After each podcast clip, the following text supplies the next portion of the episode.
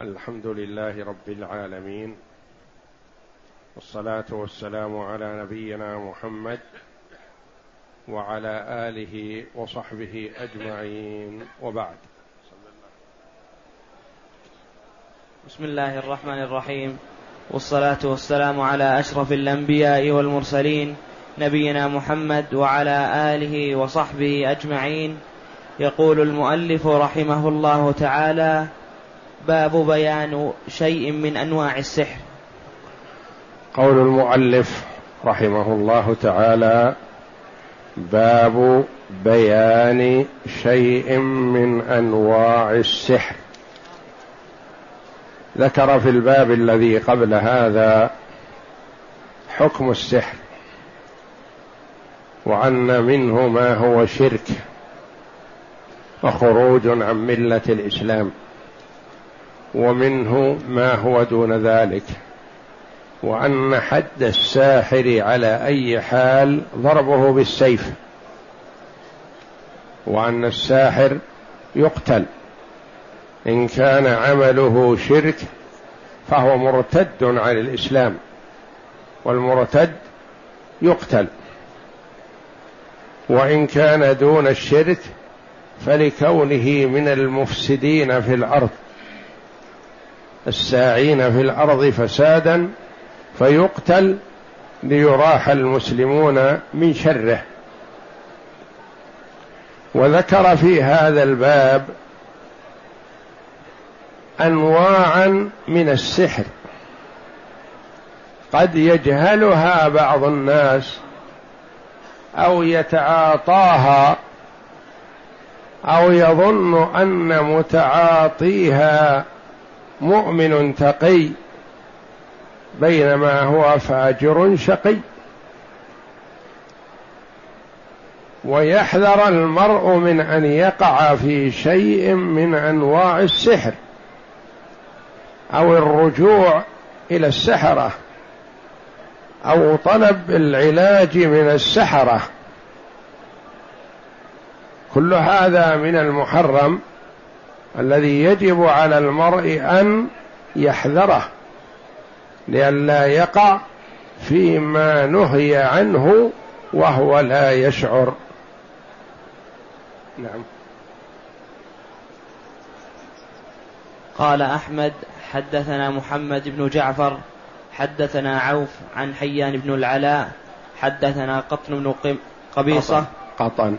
حدثنا قطن بن قبيصة. قطن بفتح الطاء. قطن بن قبيصة. حدثنا قطن بن قبيصة عن أبيه أنه سمع رسول الله صلى الله عليه وسلم قال إن العيافة والطرق والطيرة من الجبت. يقول الإمام أحمد رحمه الله بسنده إلى قطن ابن قبيصة. عن أبيه قبيصة الصحابي رضي الله عنه أنه سمع النبي صلى الله عليه وسلم يقول إن العيافة والطرق والطيرة من الجبت. هذه ثلاثة أنواع من الجبت الذي هو السحر. قال عوف اقرأ. قال عوف العيافة زجر الطير والطرق الخط يخط بالأرض.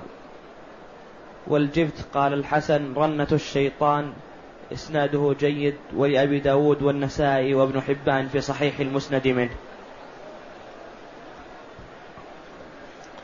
يقول صلى الله عليه وسلم العيافة والطرق والطيرة من الجبت والجبت السحر. العيافة ما هي حتى نحذرها. والطرق ما هو؟ والطيرة ما هي؟ العيافة فسرها عوف رحمه الله أحد الرواة. قال العيافة زجر الطير. من عادة الجاهليين أنه إذا خرج زجر الطير يعني نهره وأثاره عن موقعه الذي هو فيه. ثم ينظر إن ذهب من جهة يمينه أو ذهب من جهة شماله أو ذهب أمامه أو رجع الطير خلفه.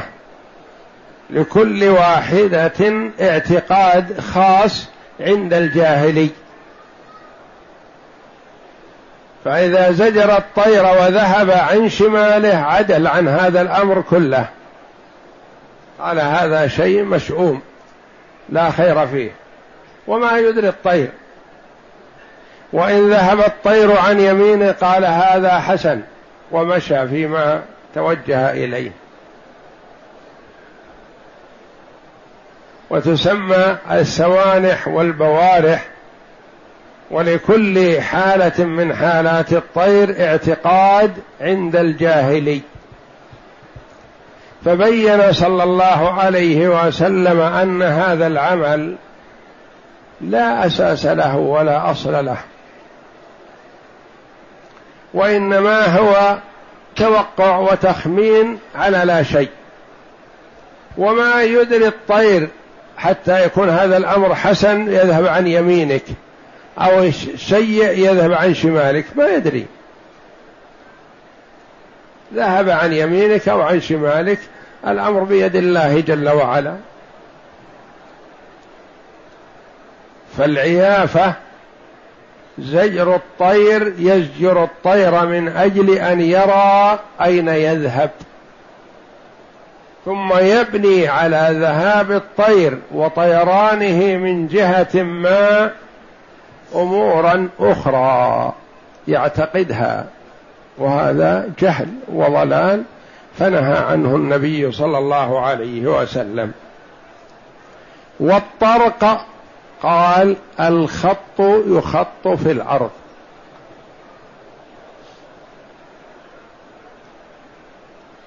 طريقة الجاهلية ومن سلك سبيلهم من بعض العجائز والمخرفين يأتيه الرجل فيقول له بين لي حظي. ماذا سيكون لي وما يدريه. فيأتي ويخط خطوطا بسرعة ثم يمسحها اثنين اثنين ثم ينظر ما ماذا بقي. هل يبقى اثنان في الأخير أو يبقى واحد؟ فيبني على كل حالة أمرا من الأمور المغيبة.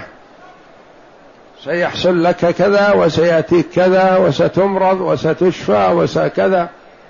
تتزوج ويأتيك أولاد يلعب عليه.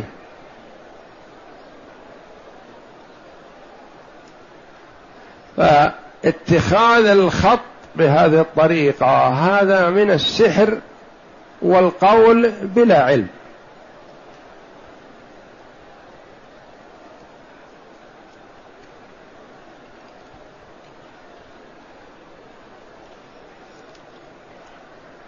وقد جاء عنه صلى الله عليه وسلم أن هناك نبي من الأنبياء كان يخط في الأرض.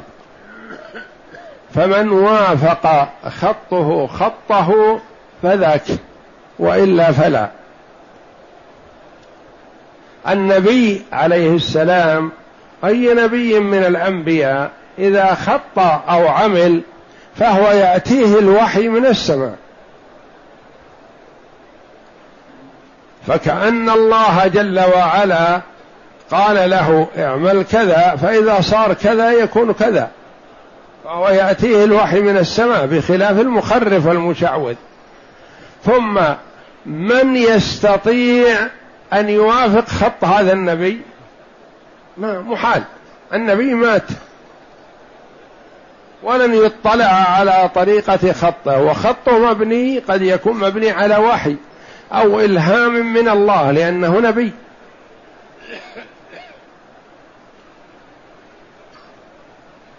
أما خط غيره فهو مبني على التخمين والتجهيل ولا حقيقة له. فما تخطه بعض العجائز وبعض المخرفين هو من السحر. يحذر منه النبي صلى الله عليه وسلم. والطيرة التطير. ومنه شيء مباح ومنه شيء محرم. نوع من أنواع الطيرة الفأل. وكان النبي صلى الله عليه وسلم يعجبه الفأل.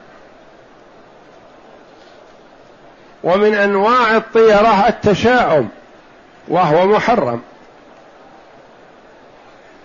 من الفأل أن يسمع المرء كلمة حسنة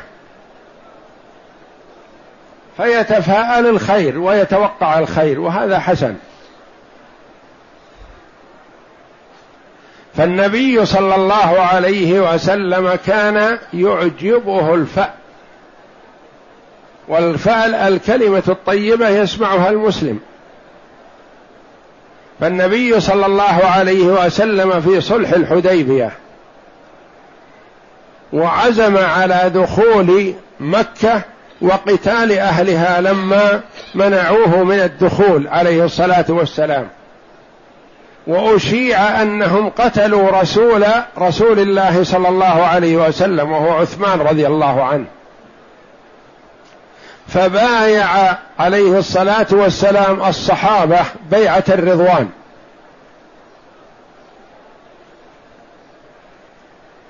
على القتال في سبيل الله حتى الموت أو النصر.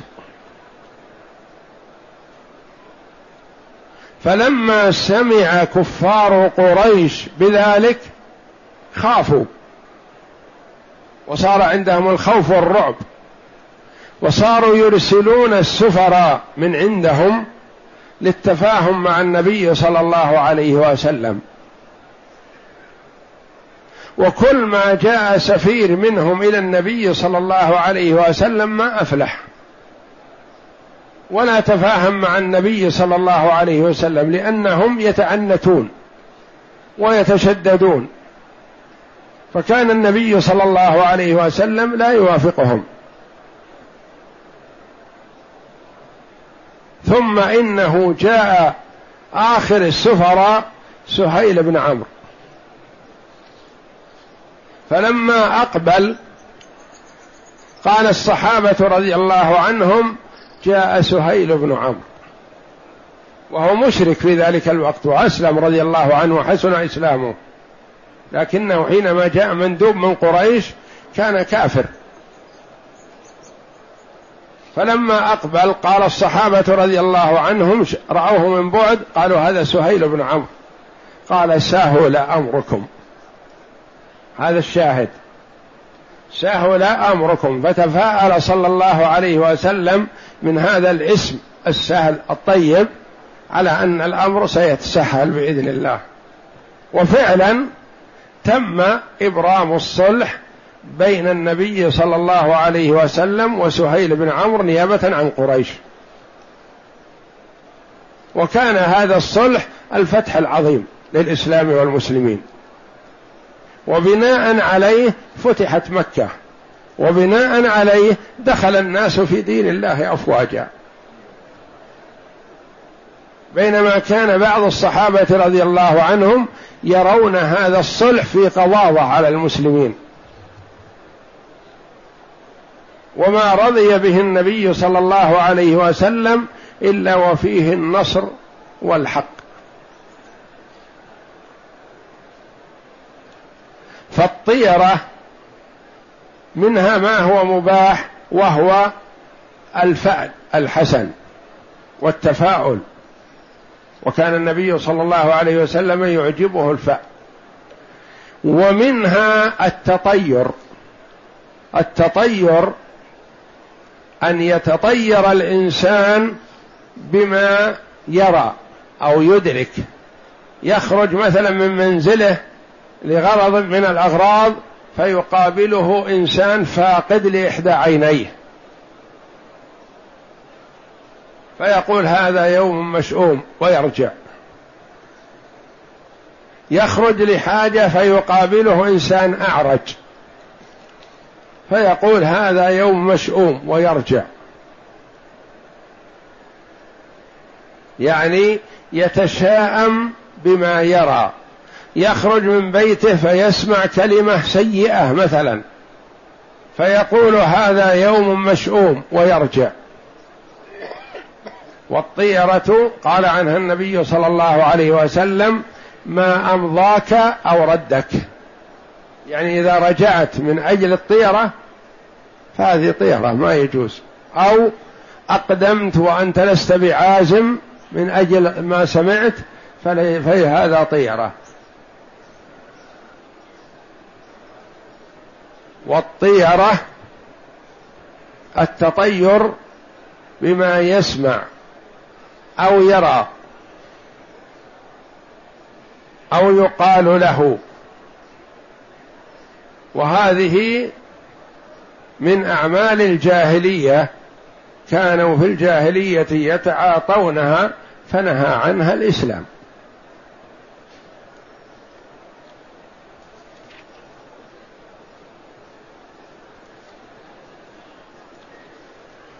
والجبت رنة الشيطان.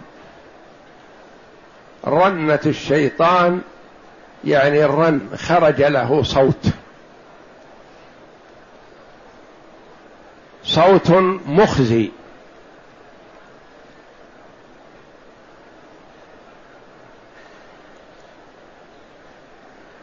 وقد حصل من الشيطان رنات كما جاء في الأثر حينما لعن وحينما أخرج من الجنة. وحينما بعث محمد صلى الله عليه وسلم وحينما فتح الله لرسوله صلى الله عليه وسلم مكة لأن في كل حالة يكون فيها خزي عليه أو إعزاز للإسلام والمسلمين ينزعج ويتأثر ويرن هذه الرنة.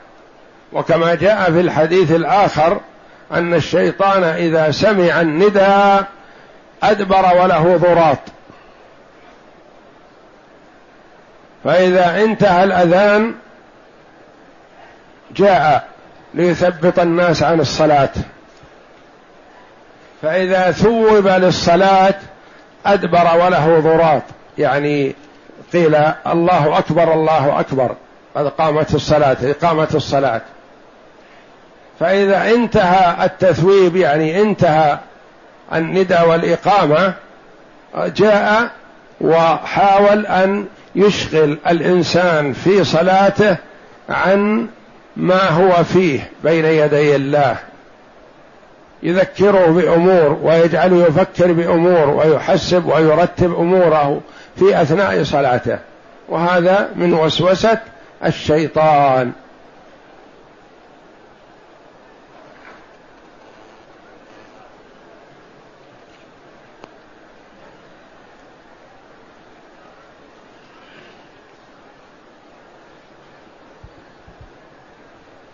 نعم.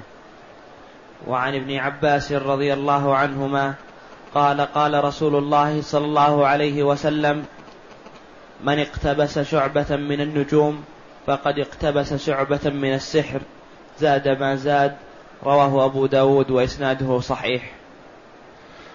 عن ابن عباس رضي الله عنهما حبر هذه الأمة وترجمان القرآن.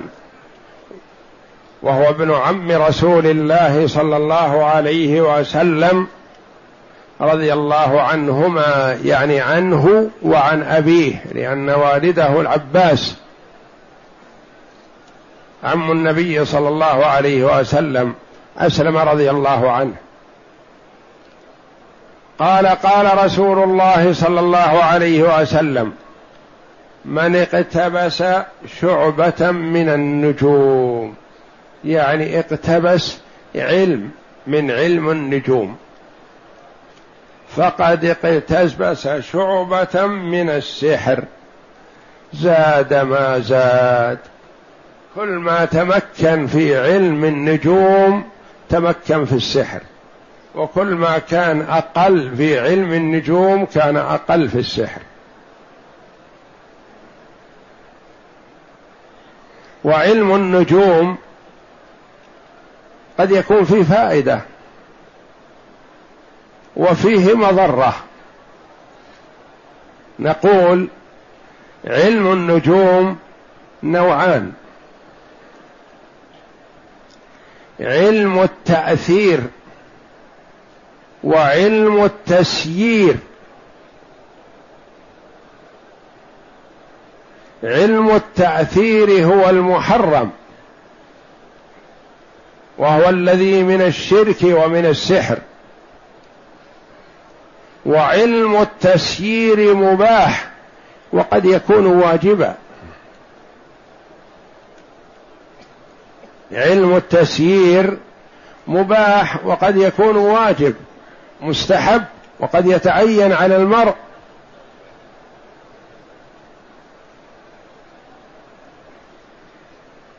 والمراد هنا والله أعلم العلم المحرم علم النجوم. كما جاء في أحاديث أخر. وأما العلم المباح فالله جل وعلا امتن به على العباد. وعلامات وبالنجم هم يهتدون. خلق الله النجوم لثلاث زينة للسماء ورجوما للشياطين وعلامات يهتدى بها. علامات يهتدى بها هذه نعمة. اذا ما هو علم التأثير وما هو علم التسيير؟ علم التأثير يعني نسبة الحوادث الأرضية إلى الأفلاك السماوية. يعني كأن الفلك النجم هو الموجد لهذه الحوادث. قالوا مثلا اللي يولد في نجم كذا يكون شقي. واللي يولد في نجم كذا يكون سعيد. هذا ما للنجم دخل في السعادة ولا الشقاوة. ويقول النجم كذا نجم مبارك يأتي المطر فيه. ونجم كذا مشؤوم ما فيه مطر.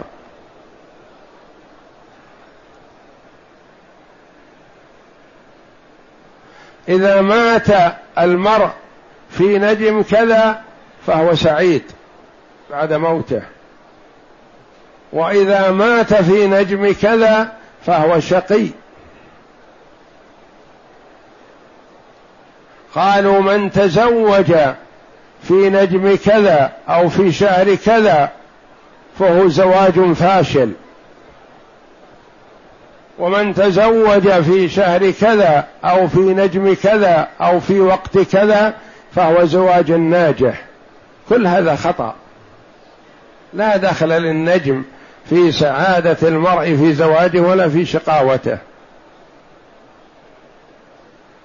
كانوا في الجاهلية يرون أن الزواج في شوال زواج غير موفق.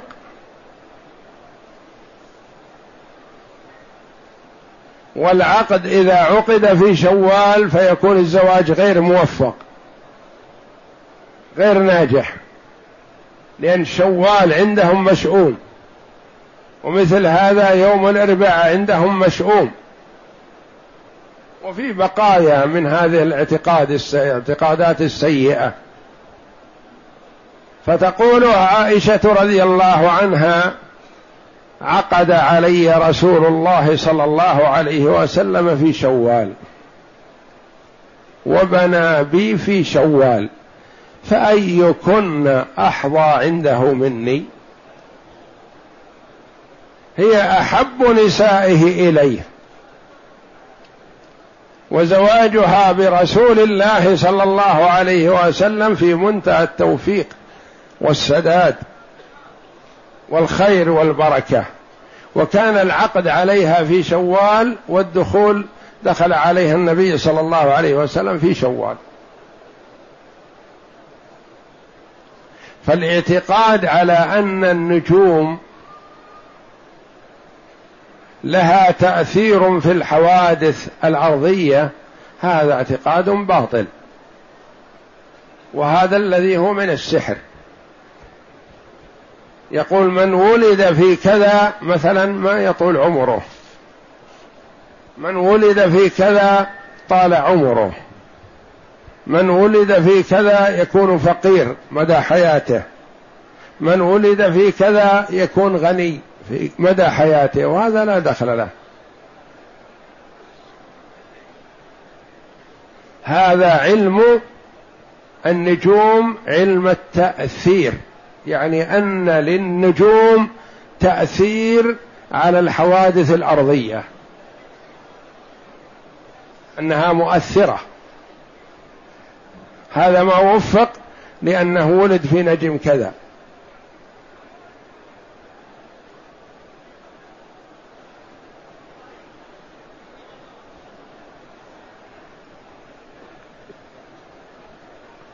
وكانوا في الجاهلية ينسبون الأمطار التي تحصل أو القحط إلى النجوم.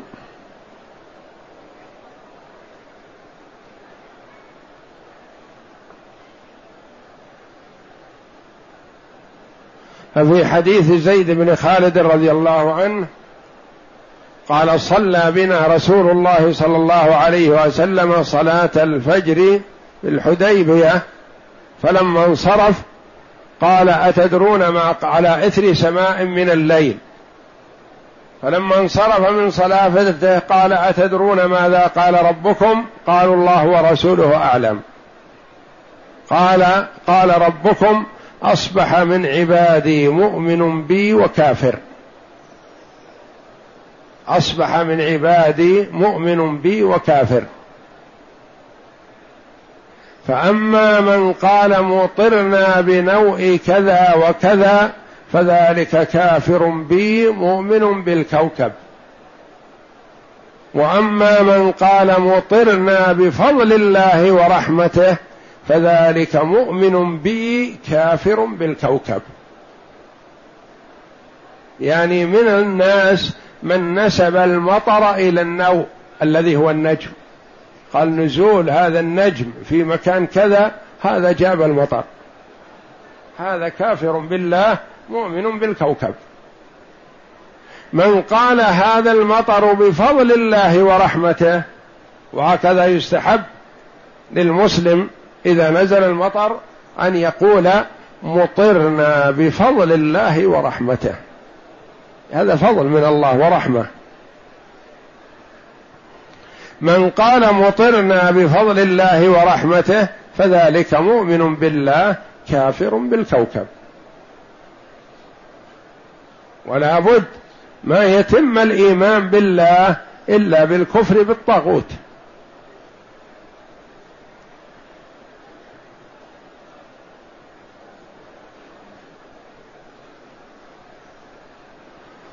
وكان من عادة واعتقاد الجاهلية أنه إذا مات عظيم انكسفت الشمس أو خسف المطر خسف القمر. وصادف يوم موت إبراهيم ابن النبي صلى الله عليه وسلم انكسفت الشمس. ابتلاء وامتحان وليظهر العلم فتحدث بعض الناس قال انكسفت الشمس لموت إبراهيم. فصلى صلى الله عليه وسلم بالناس صلاة الكسوف ولما انصرف من صلاته خطب الناس. فقال عليه الصلاة والسلام إن الشمس والقمر آيتان من آيات الله. لا ينخسفان لموت أحد ولا لحياته. فإذا رأيتم ذلك فافزعوا إلى الصلاة توجهوا إلى الله جل وعلا.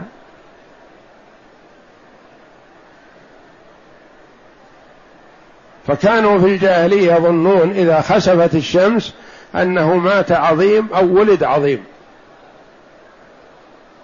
وليس كذلك.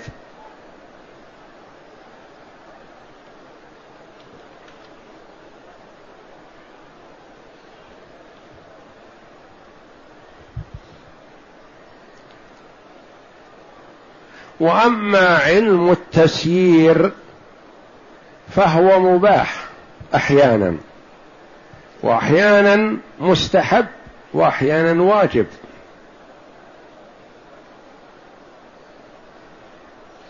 يباح لتعلم الأوقات. إنه مثلا في أول فصل الربيع فصل الربيع يبدأ من نزول النجم الفلاني. فصل الخريف من نزول النجم الفلاني. ويستفيد الناس من هذا بالفلاحة والزراعة واحتساب تغير الجو من برودة إلى حرارة ومن حرارة إلى برودة. فمثلا نوع من أنواع الزراعة ما يصلح يزرع إلا في أول فصل الربيع. الثاني في الخريف. في وقت كذا تستوي الثمار. كم بقي على استواء الثمار مثلا؟ بقي كذا. هذا علم مباح. وقد يكون مستحبا وقد يكون واجب إذا احتيج إلى المرء لتعلم القبلة.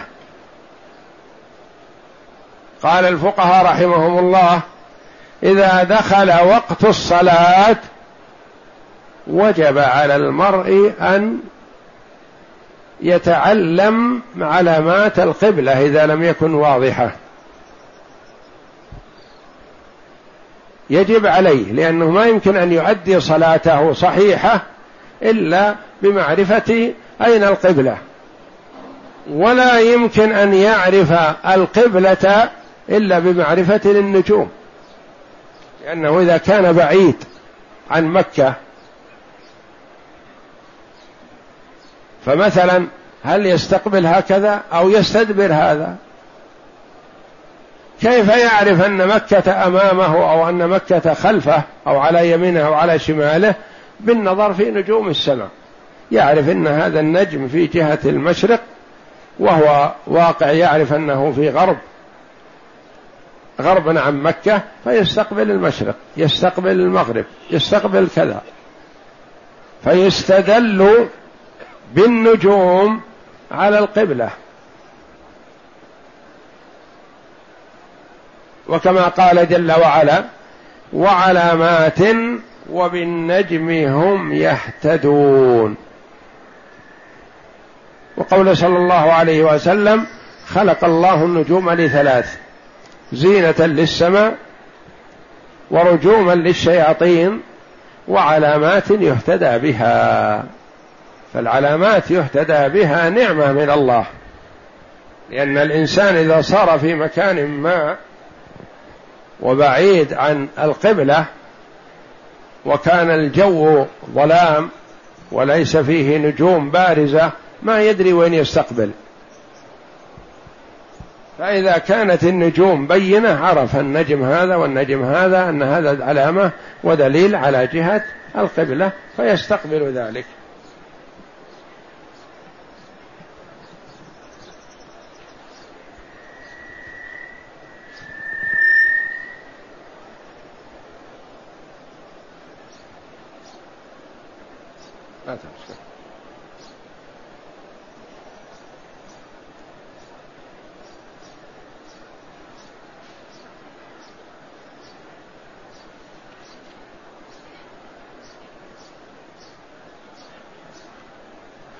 وتعلم علم النجوم المحرم نوع من أنواع السحر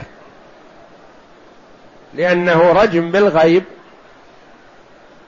وادعاء ما ليس بصحيح.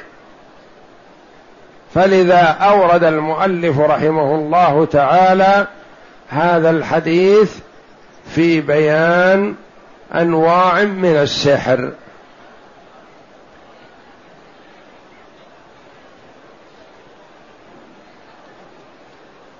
نعم. وللنسائي من حديث أبي هريرة من عقد عقدة ثم نفث فيها فقد سحر ومن سحر فقد أشرك ومن تعلق شيئا وكل إليه.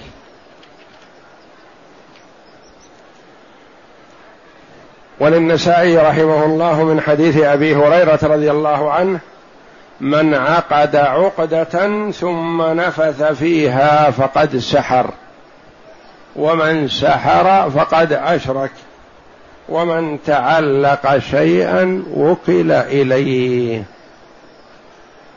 من عقد عقدة ثم نفث فيها كان السحرة من الرجال والنساء ويكثر هذا في النساء ولهذا قال جل وعلا من شر النفاثات في العقد فالنفث في العقد بالنساء أكثر.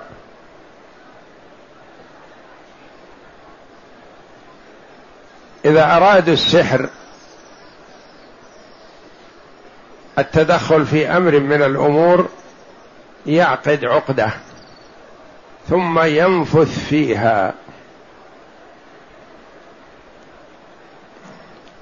ويخضع للشياطين من أجل أن تؤثر على من يريد التأثير عليه. يعقد العقدة ويقول كلامه السيء وينفث فيها. النفث هو النفخ بريق. ريق خفيف. وهو بين النفخ والتفل. التفل يخرج تفاله. والنفخ يخرج هوى فقط. والنفث بينهما. من عقد عقدة. كان السحرة يتدخلون في هذا إذا أرادوا حبس رجل عن امرأته فعلوا هذه الأفاعيل مع استخدامهم للشياطين. من عقد عقدة ثم نفث فيها من أجل أن يؤثر على غيره. فقد سحر يعني تعاطى السحر. ومن سحر فقد أشرك. لأنه ما يتم السحر بهذه الطريقة إلا باستخدام المرء للشياطين وخضوعه لهم. يخضع لهم يتذلل لهم يسجد لهم يذبح على اسمهم أو اسم من يوجهونه للذبح على اسمه فيكون هذا الشرك الأكبر. ومن سحر فقد أشرك. ومن تعلق شيئا وكل إليه. هذا من جوامع كلمه صلى الله عليه وسلم. من تعلق شيئا وكل إليه. المؤمن يتعلق بالله جل وعلا فيكل أمره إلى الله جل وعلا فتيسر أموره ويحصل له كل خير ويسلم من كل شر. وغير المؤمن يتعلق بما لا يصح أن يتعلق به. يتعلق بجني يتعلق بساحر يتعلق بخرافي يوكل إلى هذا الشيء.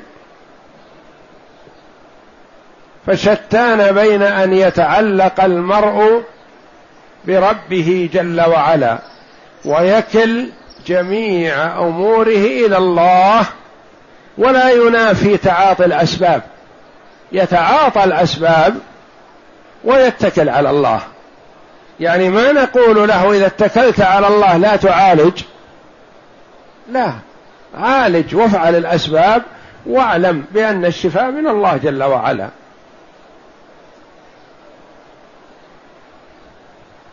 فتعاطي الأسباب لا ينافي الاتكال. فالنبي صلى الله عليه وسلم كان يتعاطى الأسباب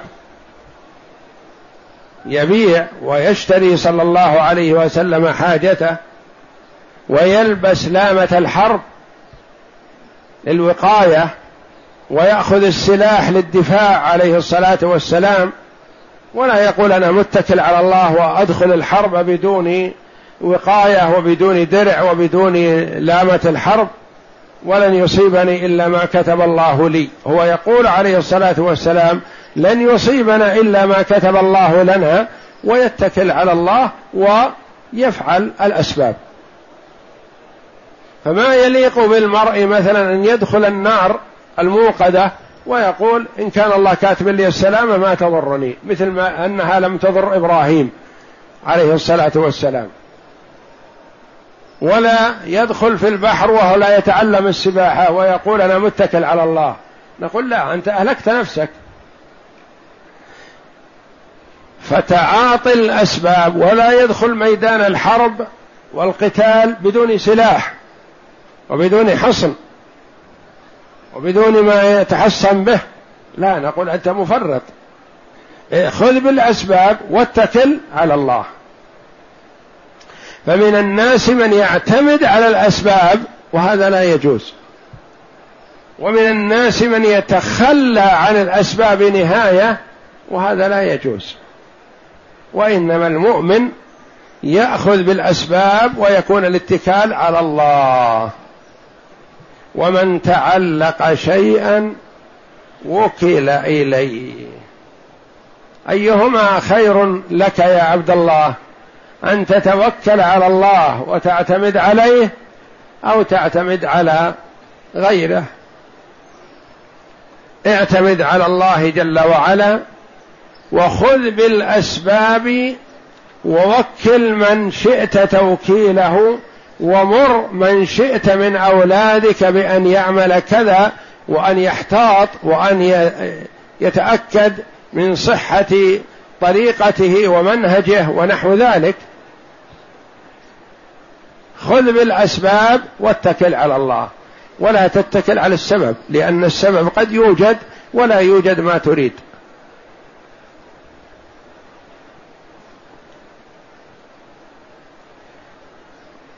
فمن الناس مثلا من يقول أنا لا أتزوج. إن كان الله قد قسم لي ولد فسيأتيني. يقول هذا جهل. ومن الناس من يعتمد على السبب يقول أنا بتزوج ثم يأتيني ولد ثم يكون كذا ويكون كذا ويكون كذا ويتزوج أربع نسوة ويتسرى بالعشرات ولا يولد له. ما ما نفعت الأسباب.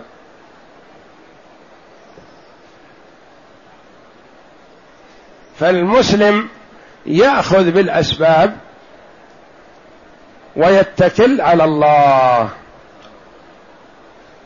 بعض الناس يفهم من حديث رسول الله صلى الله عليه وسلم فهما خاطئ في قوله صلى الله عليه وسلم لو أنكم توكلتم على الله حق توكله لرزقكم كما يرزق الطير تغدو خماصا وتروح بطانا.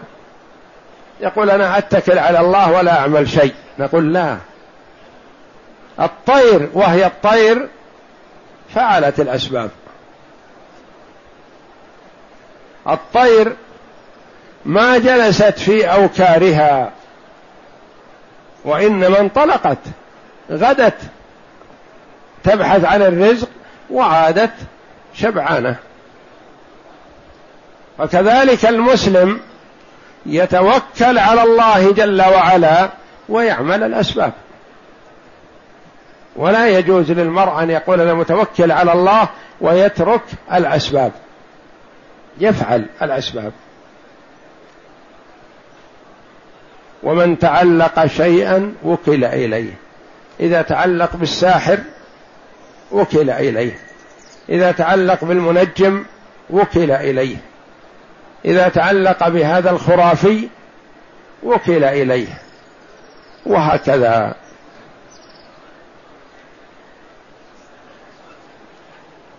وقد يفتتن المرء يتوجه إلى شيء ما فيكون الله جل وعلا ازلا قد قدر له شيء من السعادة فيظن أن السعادة جاءته من توجهه إلى هذا الصنم أو المعبود من دون الله أو السيد. وهذا فتنة وابتلاء وامتحان للعبد. قد يمتحن فيخفق ويخسر الدنيا والآخرة.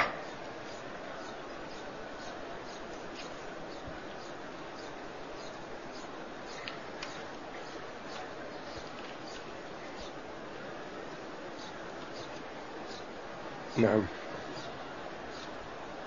وعن ابن مسعود أن رسول الله صلى الله عليه وسلم قال ألا هل أنبئكم ما العظة؟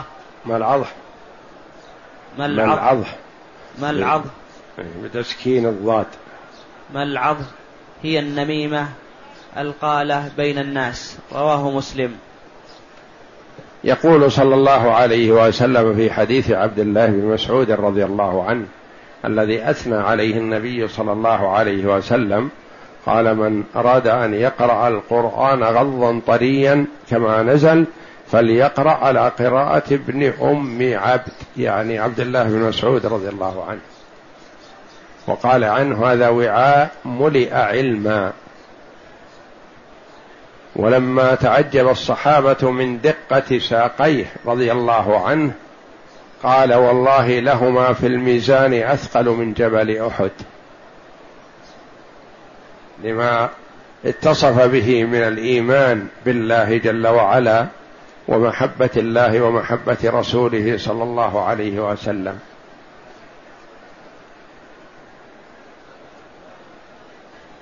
ألا أنبئكم ما العظه العظه هي بمعنى القطع أو بمعنى التفريق.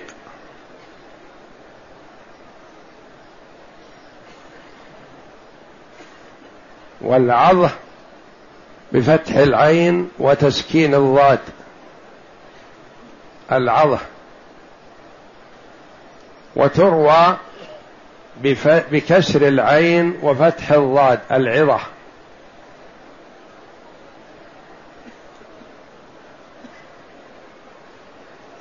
وهي بمعنى التفريق أو القطع.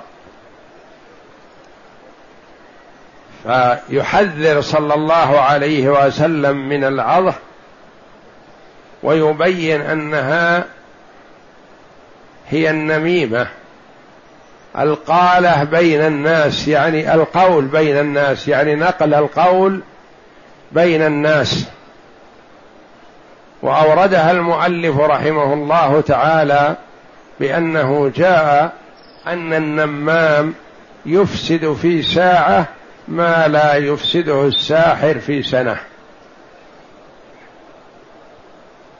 وأن النميمة من نوع السحر لأنها من الأشياء الخفية التي يكون لها ضرر عظيم. فيحذر من النميمة وبين صلى الله عليه وسلم أن النميمة تأكل الحسنات كما تأكل النار الحطب.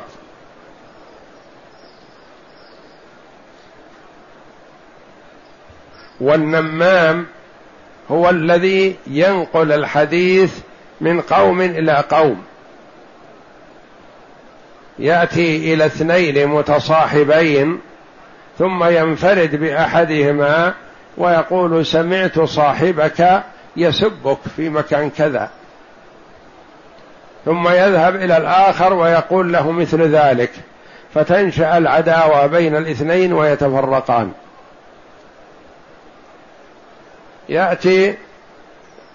للزوج ويقول له عن زوجته كذا ويأتي للزوجة ويقول لها عن زوجها كذا فتتكدر حياتهم.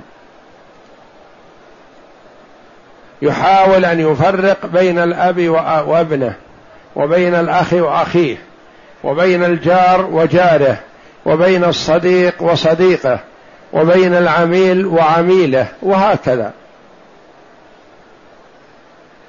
يفرق لا على وجه الظهور والبيان وإنما على وجه الخفاء.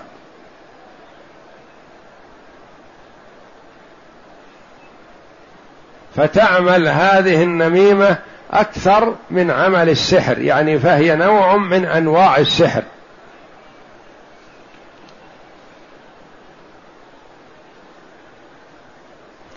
والواجب على المسلم أن يزجر من ينقل له الكلام عن الآخرين. امتثالا لقول الله تعالى ولا تطع كل حلاف مهين هماز مشاء بنميم. لا تطعه ولا تسمع منه. لأن نقله لكلام الغير يريد الإفساد. واعرف أن من نقل إليك نقل عنك. مثل ما إنه يجيب لك كلام زيد وعمر ينقل كلامك ويوديه إلى الآخرين وهكذا لأن هذا وظيفته السيئة.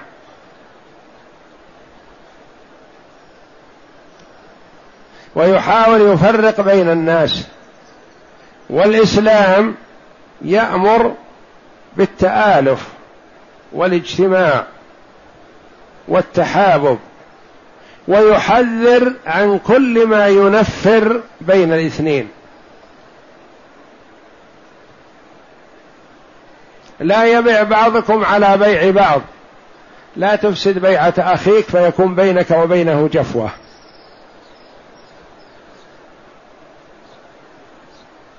تنابزوا بالألقاب.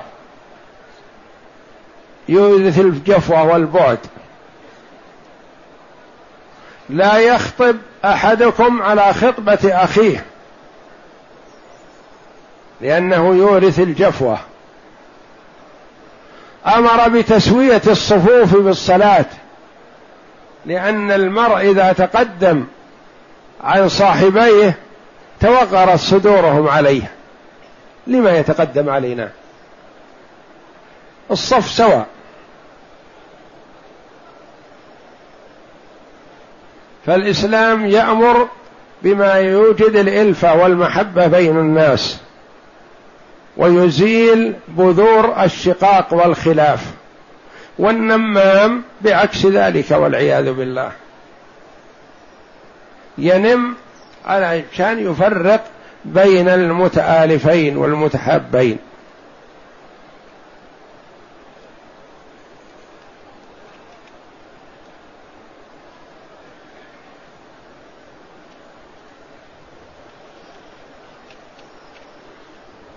نعم.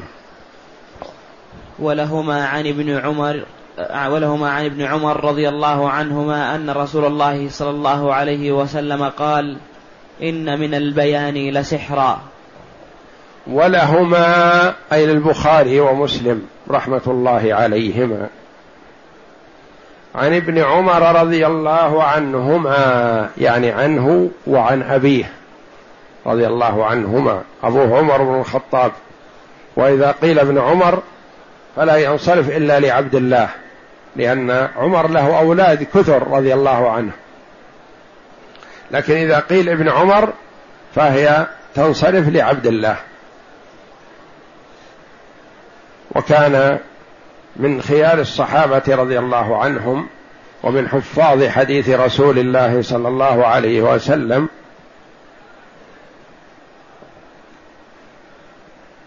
وكان رضي الله عنه كثير قيام الليل لما سمع من حفصة رضي الله عنها أن النبي صلى الله عليه وسلم قال نعم الرجل عبد الله لأنه شقيق حفصة رضي الله عنها أم المؤمنين. نعم الرجل عبد الله لو كان يقوم من الليل. فكان بعد هذا لا ينام من الليل إلا قليلا رضي الله عنه. وكان حريص كل الحرص على تطبيق ما يسمعه من النبي صلى الله عليه وسلم فهو من المتمسكين بالسنة رضي الله عنه وأرضاه.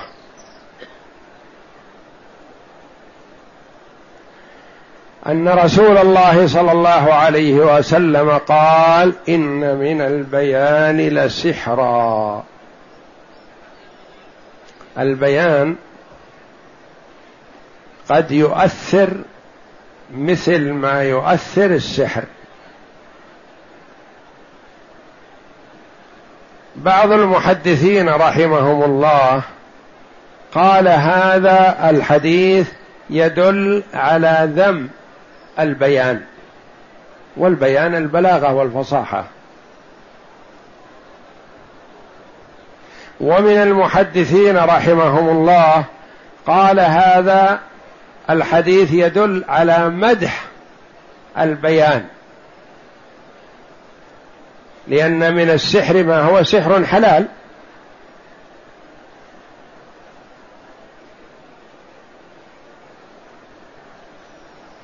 من العلماء رحمهم الله من توسط بين القولين. قال لا يذم البيان.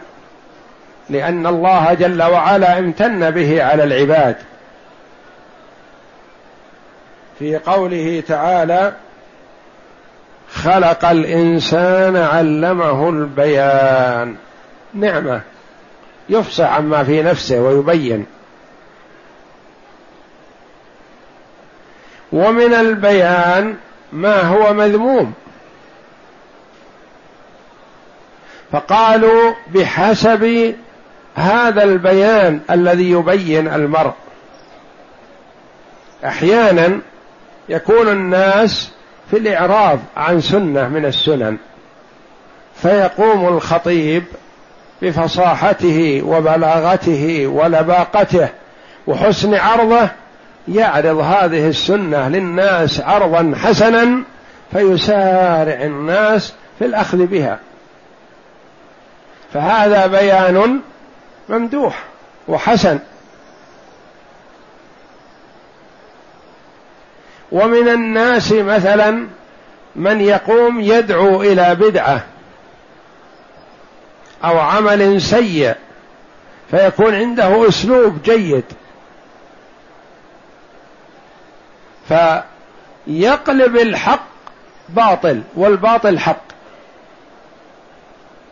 ويدعو إلى بدعته بأسلوبه الجيد فيسارع الناس إلى الوقوع في هذه البدعة بسبب هذا البيان الذي صدر من هذا الرجل السيء. فيكون البيان مثل هذا مذموم. والبيان الذي يقلب الحق باطل والباطل حق مذموم. والبيان الذي يزيد الحق ايضاحا وبيانا ممدوح. وقد قال عليه الصلاة والسلام إنكم تختصمون إلي ولعل بعضكم يكون ألحن من حجته من بعض فأحسب أنه صادق. فمن قضيت له بحق اخيه فلا يأخذ فإنما هي قطعة من نار فليأخذها أو ليدعها.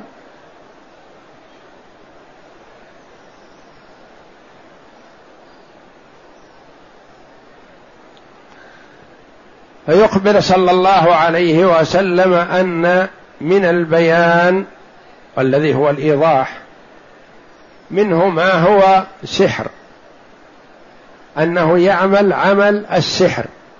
يعني الإنسان يقتنع من هذا الشيء وإن كان الاقتناع فيه صعوبة لكن لما سمع من هذا. ثم بحسب ما دعا إليه هذا الداعي في بيانه إن كان دعا إلى هدى فهذا سحر حلال ودعا إلى مصلحة وفائدة وإن كان بخلاف ذلك بأن قلب الحق باطلا ودعا إلى باطل في صورة الحق فهو مذموم.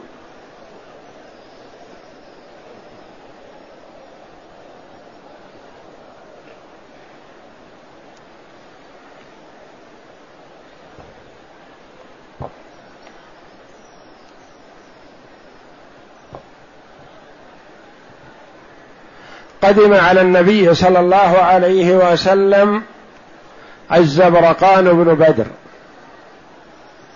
وعمرو بن الأهتم وقيس بن عاصم. فقال رسول الله صلى الله عليه وسلم لعمرو بن الأهتم أخبرني عن الزبرقان. الحاضر. تعرفه أنت. أخبرني عنه. فقال مطاع في ناديه. شديد العارضة مانع لما وراء ظهره. مدحه فقال الزبرقان هو والله يعلم أني أفضل منه. يعني ما فضلني على نفسه وهو يعلم أني أفضل منه. فقال عمرو إنه ذمر المروءة ضيق العطن حمق الأب لئيم الخال. رجع عليه يسبه يا رسول قال يا رسول الله صدقت فيهما. يقول أنا صادق في العبارة الأولى والعبارة الثانية. ما كذبت. أحمق الأب لئيم الخال.